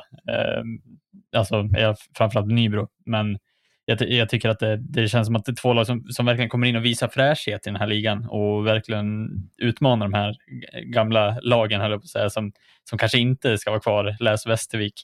Eh, och, eh, jag, ty- jag tycker att det, det, det känns någonting fräscht med de här lagen, både på supportersida och på lagsida, som, som är väldigt bra. Och så tycker jag att de är varandras motsatser lite grann. Att, eh, att Nybro det är den här liksom inbitna hockeystaden med en liksom ruckel till arena som de håller på att riva varje match. Medan i, i Kalmar där har de en helt nybyggd arena med en publik som knappt, eh, jo nu ska jag inte prata om dem, men, men de har inte gått på så mycket ishockey genom tiderna och liksom, det, andas någon slags eh, ny optimism i den staden. Så att, eh, de kommer från olika håll men, men båda påverkar ligan på ett eh, bra sätt. Och i, men det du säger om, att, om Kalmar, att det finns fler spelare än Theo Charidis som är bra där. Men de har ju inte de här riktigt sexiga namnen som till exempel Nybro har. De har de här import, eh, coola namn liksom. Eh, Marenis, eh, de har... Och finnarna är ju Nybro också. Ja, men finnarna, jag, jag tycker de har att AJ. Vanderbeck kan ta sig in på listan. Det är riktigt så här NHL, eh, alltså NHL-spelsnamn. Ja, men det gör ju någonting med de här coola namnen. Alltså, då lyfter ja, man mer på ögonbrynen än att Jimmy Andersson råkar vara bra också innan en match. Mm. Eller sådär. Mm. Eh, jag skulle också vilja lyfta en spelare som, eh, om vi hade gjort den här, om vi hade gjort det avsnittet efter tio matcher, då hade vi givetvis pratat om han, men eh, som eh, Västerås verkligen inte ville tappa, som var bra i fjol, är ju Li, Liam Dover Nilsson som kom in i Löven liksom och eh, gör ju mål på allt i princip. Alltså sätter ju varenda läge i powerplay, men sen har ju svalnat av lite grann. Men det är ganska naturligt också att han får en sån superstart. Men han har varit ganska svag i 5 mot 5, men eh, har ju ändå visat vilka kvaliteter han har, framförallt skottet och i powerplay. Så att, eh, man får ändå tänka på det, är ingen gammal spelare heller. Så att, jag menar, han har många år kvar innan, innan han är nöjd givetvis. Att där, ehm, där kan det nog bli väldigt bra på sikt. Men jag tror att det är bra för han att få lugna ner sig lite grann igen nu och, och försöka hitta spelet framför allt. För att det blir lätt en superhype att han ska göra mål i varje powerplay och det har ju alla lag läst givetvis. Men eh, bra utväxling av Kente och värva han till en billig peng och eh, har ju verkligen levererat bra också. Mm. Jag tänkte kuppa in Jack Kopaka också, men vi har redan pratat om honom, så att det, det känns dags för att lämna över till eh, nästa vykort. Tjena gänget! Adam Johansson från Expressen, Hockeybulls podcast här. Jag vill eh, först och främst bara säga att jag tycker att ni gör ett grymt jobb på eh, Radio 1970. En av de bättre supporterpoddarna där ute. Så sträck på er, det förtjänar ni verkligen att höra. Jag har ju fått några rubriker härifrån Jesper, eh, intressanta sådana. Den första lyder ju höstens spel i Hockeyallsvenskan och jag tror att vi alla är överens om att vi är mäkta imponerade av vad Marcus Eriksson gör i den åldern han är i. 38 bast! Hade inte Linus Widell funnits så hade man ju faktiskt kunnat säga att Marcus Eriksson är ett unikum, men nu har han ju jämnåriga Widell bredvid sig och de är ju ja, men i princip lika bra. Det är ju ofattbart att de kan prestera de ishockey de gör när de börjar närma sig 40 bast. Det är eh, Två av de största profilerna i Hockeyallsvenskan, helt klart. Så jag sätter ut Mackan Eriksson här, poängliga kungen i eh, dagsläget. Trendar väl mot 67-70 pinnar eller något sånt där. Eh, svårt att förstå faktiskt. Eh, och sen har vi ju den här eh, höstens eh, prestation, eller vad vi kallade den. Och jag kom ju inte ifrån att visst, Nybro har överraskat, Kalmar har gjort det bra som nykomlingar också. Men det Mora gör, år efter år, med en rätt liten plånbok, Johan Hedberg lämnar, stor spelaromsättning, visst Ljunggren är kvar, Persson, men eh, man var ju väldigt ifrågasättande till den där backsidan. Såg inte speciellt bra ut på eh, försäsongen heller och man tänkte att de kommer nog behöva stärka upp det där med Hägglund i spetsen, alltså sportchefen. Men Daniel Hermansson eh, på, huvud, på bänken då som huvudtränare tillsammans med de andra runt omkring honom har gjort ett fantastiskt jobb med att utveckla de här individerna och att de har blivit bättre under säsongen också. Så jag vill faktiskt eh, lyfta fram här Mora Moras säsong överlag. Alltså inte någon eh, specifik match eller prestation på, från någon spelare så, utan bara Mora IK som klubb. Jag tycker att de verkligen förtjänar att höra det. Sen har vi ju den sista då, som jag har fått eh, specifikt till mig själv. Jag hoppas att den här är unik för min del och att det inte är någon annan som ska svara på det här. Men en spelare som jag vill se ha en expertroll i TV efter karriären. Jag ska inte avslöja för mycket, men det kommer ett ishockeytävlingen-avsnitt i Hockeypuls efter eh, nyår. Och då är det några TV4-profiler som gästar och tävlar. Och då ställde vi faktiskt den här frågan till två av dem. Och jag kommer svara samma person som eh, de singlade ut, nämligen Daniel Rahimi i Björklöven. Jag tycker att han har insiktsfulla svar. Han tänker i andra banor än vad andra spelare där ute gör. Och sen finns det ju det här äh, komplexa med honom också, att folk ser på honom som en tuff jäkel, kanske till och med en ful spelare ute på isen. Men sen är han en teddybjörn utanför och extremt omtyckt av ja, men supportrar, det vet jag, och äh, även av sina lagkamrater. Så att jag tror att han skulle kunna tillföra ett helt annat element i äh, sport-tv Sverige faktiskt. Så att hoppas att Rahimi byter sida efter att han har lagt av. Sen vill jag gärna se att han spelar åtminstone ett år till och att det blir en 24-25 säsong också. Ehm, sen kanske en liten djurhälsning. Och den här går ut till alla lövare där ute. Alltså, jag tycker att med tanke på hur ni har ställt upp, hur lojala ni har varit mot Björklöven under alla de här åren. Ni har ju varit i Hockeyallsvenskan i princip under hela 2000-talet och en sväng ner i division 1 också. Alltså, ni förtjänar en ny arena, ni förtjänar SHL-spel. Det är liksom dags nu. Så eh, det blir väl min eh, sista hälsning till eh, IRE-podden 1970, men även alla lövare där ute. Jag känner många har bott i Umeå under 6-7 års tid också och fått eh, bra relationer där uppe i Västerbotten. Så eh, det är väl min förhoppning i alla fall, att eh, ni får det ni förtjänar. Så, då eh, var det en 3-4 minuter monolog här från mitt håll. Hoppas att det inte blev allt för långtråkigt. God jul på er, god fortsättning, gott nytt år och allt det där. Vi hörs eh, framöver. Puss och kram på er. Hoppas att ni lyssnar på nästa avsnitt av ishockeytävlingen också i Hockeybulls podcast. Hej hej! Eller vänta, nu kommer jag på en fråga som jag vill skicka med till er. Eh, gällande Marcus Eriksson, han har ett utgående kontrakt. Björklöven har 15-16 spelare tror jag som inte har avtal över 24-25. Det har i alla fall inte kommunicerats utåt. Skulle ni supportrar vilja plocka in Marcus Eriksson, om den möjligheten finns, om Mackan säger att ja, men jag kan tänka mig ett år i Umeå, ska Per Kente agera? Så nu fick ni en julhälsning och en fråga från mitt håll. Ta hand om er. Puss och kram. Hej, hej. Ho, ho, ho! Christmas!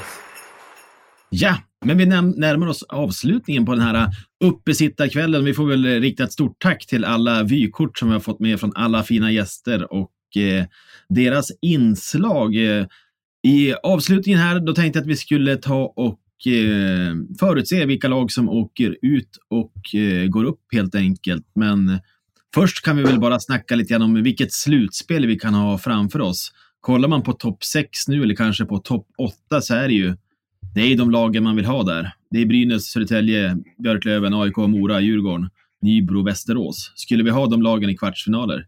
Tjena! Eh, Ja, vilket, nej, jag, jag och eh, Marcus diskuterade i en podd här som vi spelade in för några veckor sedan, men det, det känns lite upplagt för att det skulle faktiskt kunna bli AIK-Djurgården i en i kvartsfinal. Eh, och det, det känns ju på förhand som ett bland det sjukare man kommer att eh, skåda i, liksom, som objektiv supporter med sju matcher mellan de två lagen. Inför Mm. tomma läktare. Ja, precis. Ja, jag som utifrån kommer ju att, att verkligen kunna ha svårt att välja vilka slutspelsmatcher jag kommer att följa. Eh, Det känns ju verkligen som att det är eh, Hockeyallsvenskan, alltså den topp 6 som kan bli, alltså blir ju otroligt, eller topp 8 fram till och med, kan ju bli otroligt intressant. Eh, Tycker jag att det här slutspelet kan eh, slå någon form av alla tiders rekord i hur jämn den kan bli, kan jag nästan se. Ja, det är verkligen upplagt för att eh, några giganter ska kunna falla ganska tidigt i det här eh, och eh, där känner man ju som, som Björklövare väldigt orolig att eh, det finns ju fler lag som verkligen kan utmana. Ehm, det gör det. Eh, om jag skulle få önska något inför slutspelet, det är kanske att eh, inte möta Västerås för det tredje år i rad i kvartsfinal. Det hade varit fräscht med någonting annat. Känns det inte som att Björklöven-Mora skulle kunna vara ganska rimligt? Nej, tack. Björk, Björklöven trea, Mora sexa. Ja, livrädd för att möta Mora faktiskt. Ja, men jag ser, det spelar ingen roll i vilken ordning man ser. Alltså, det är väl Nybro som man tänker att men de borde man liksom bryta ner över sju matcher. Och, och Annars det rimliga är väl att Nybro blir åtta också. Och då är ju första platsen extremt viktig. Eh, för att det, då är det väl de man vill ha i kvartsfinal, verkligen. Ja, precis. Eh, det är ju om Karlskoga skulle göra ett Karlskoga-ryck eh, andra halvan av tabellen och, eh, eh, och Nybro som nykomling känner sig lite nöjda. Men eh, det är väl ingenting som talar för det just nu. Nej, jag är mer inne nästan på, om jag ska vara ärlig, att Karlskoga, det kan bli riktigt illa där alltså. Att man skulle kunna falla ner under det där negativa kvalstrecket. Ja, vi Lövare har ju bara förlorat mot Karlskoga, så vi kanske har en annan bild Ja. av dem än vad alla andra lag har. Nej, Mora förlorar mot dem också, men, men jag tycker när man ser dem, när de är bra, visst de, de är ganska bra, men det är fortfarande ganska chansartat. Sen är det många matcher man ser dem där det är också väldigt, väldigt dåligt. Så att jag ser dem inte riktigt lyfta i den här tabellen, det, det gör jag nog inte. Nej, och de är också en av de lagen som är inne i ett sånt där kontrollår, vilket gör att de måste ju samla på sig pengar. De har inte möjlighet att göra några större värvningar under slutspurten. Det är klart att de kan göra något lån från SHL eller så för att spetsa till det, men de kommer ju inte att förändra jättemycket i sin trupp. Mm. Ja, Nej, nej, men det är ju, kommer ju vara ett superintressant slutspel. Det kommer ju verkligen att eh, vara kul att se på och eh, ja, det blir svårt att välja inför tvn vad man ska, vad man ska titta på. Men det, när vi hade med Söderström också, han var inne på det att i år så känns det som att eh, kvartsfinalen, det kan ryka bara en eller kanske två drakar och det, det ligger väl någonting i det lite grann att Eh, alltså det gäller att hitta, och det laget som hittar formen inför slutspelet. Jag säger ett sånt som Löven till exempel, som ah, har inte riktigt hittat det, men om de väl hittar det, alltså, eller det laget som väl gör det inför slutspelet, som hittar formen och har liksom gubbar friska och så vidare och få en fin start på slutspelet har ju en superchans. Det är många lag i år som verkligen har chans på SHL och eh, det, jag tror vi kommer få se det också rent kapprustningsmässigt. Som du var inne på Erik, där med Mora till exempel, kanske inte riktigt har pengar på sig. Där, där tror jag pengarna kommer spela in lite grann till slut. Att eh, Brynäs kommer lasta, Löven kommer lasta. Alltså det är, Och Södertälje och AIK kommer också göra det. Ja, Jag, jag, tror, jag tror att Mora och Djurgården riskerar att falla lite kort just med pengafrågan. Jag tänker också den här psykologiska aspekten hos Brynäs. Eh, de är ju verkligen stora favoriter, har ju flera liksom, nu dåliga erfarenheter av avgörande matcher. Vad händer om de skulle hamna i ett eh, underläge i en sju serie och det börjar visslas lite grann i, i Gavlerinken där? Eh, hur hanterar spelarna det? Eh, det blir... Ja. Mm.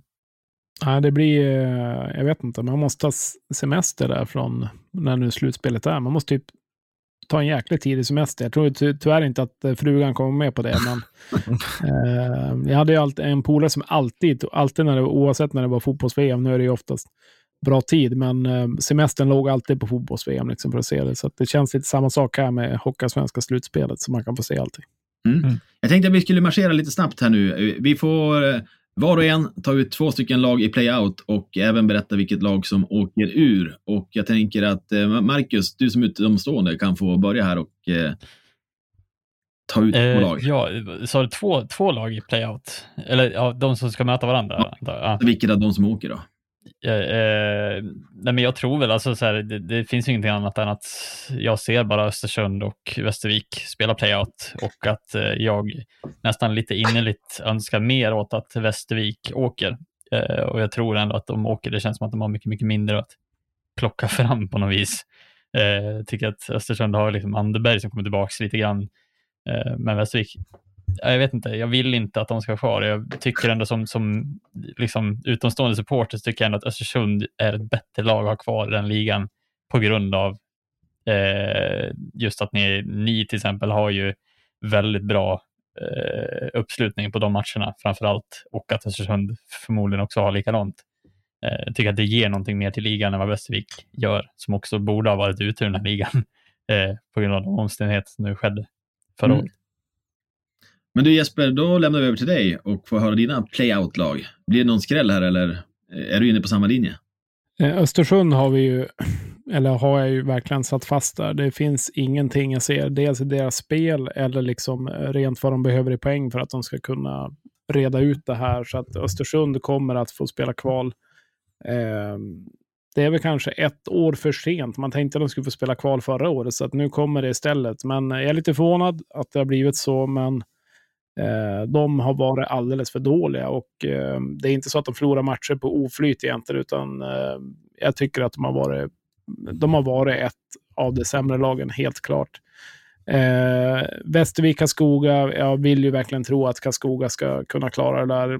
Jag hör vad du säger Erik, att eh, det kan gå åt andra hållet, men eh, jag tycker ändå det är så pass bra trupp rent namnkunnigt att de ska kunna hålla Västervik bakom sig även om Karlskoga inte har världens bästa ekonomi så har ju inte Västervik det heller. De kommer inte kunna lasta så mycket. så att eh, Tråkigt svar, men Västervik och Östersund tror jag möter varandra i playout. Yes, eh, Erik, får vi några nya lag av dig eller? Eh, nej, det får ni inte. Eh, jag, alltså, jag ser det kunna gå lite illa för Karlskoga, men jag tror helt enkelt att Västervik och Östersund är för dåliga för att kunna profitera på det. Eh, sen tror jag att Västerviks ekonomi är väl också enormt ansträngd. Frågan är om inte de går samma öde till möte som Kristianstad Vita Hästen förra året, även om de inte skulle åka ner. Eh, och att de åker oavsett. Men jag, jag, tror, jag tycker Västervik är det sämsta laget eh, ändå och att Västervik åker ur då. Ja. Eh, men jag ska väl bara instämma. Jag har sagt ända från början att jag ser gärna att eh, Västervik åker. Så att, eh, Den här tutan dem. kommer vi inte sakna va? Inte så mycket, nej. Men om vi blickar uppåt då. Vi, ser, vi tackar Västervik eh, för sessionen. Sen får man ju se liksom vad det blir med konkurser och eh, hur många lag som kommer upp underifrån till nästa säsong. Men det är väl Östersunds eh, räddning också? Helt klart, det kan det definitivt vara. Det finns ju många lag som måste leverera goda ekonomiska resultat och det är ju svårt när det går dåligt. Men vad har vi för finallag? Då tänkte jag att vi går bakvägen. Eh, Erik får börja ta ut två finallag och eh, säga vilka som går upp i vår.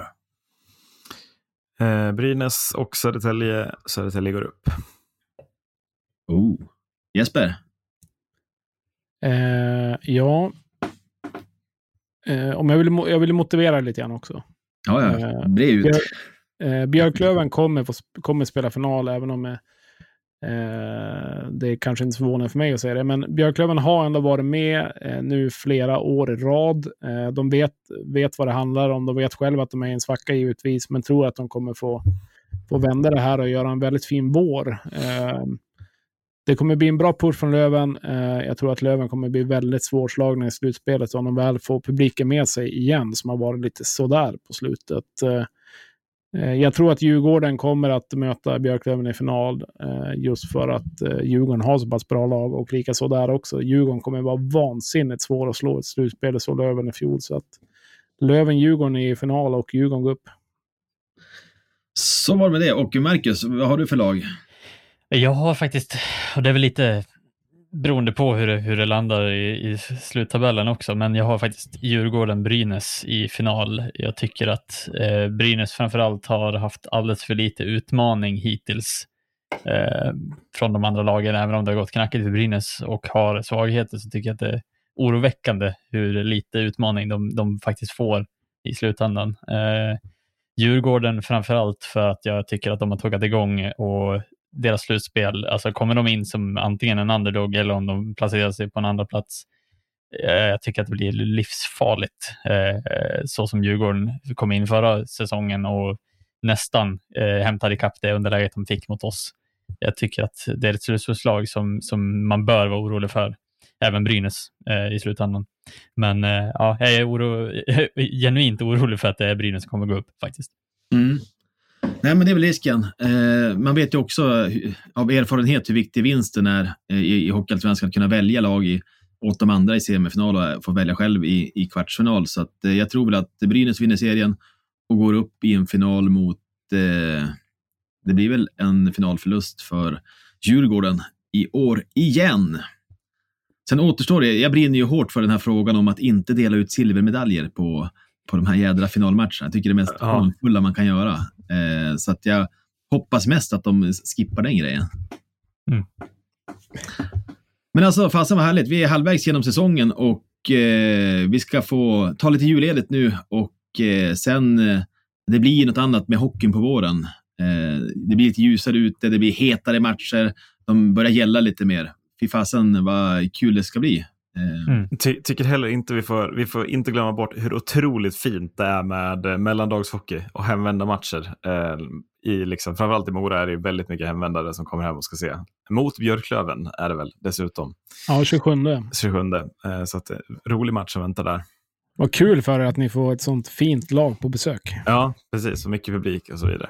Ja, ja men roligt. Vi har Nybro hemma 29 december, så det blir det blir ju kul det också faktiskt. Mm.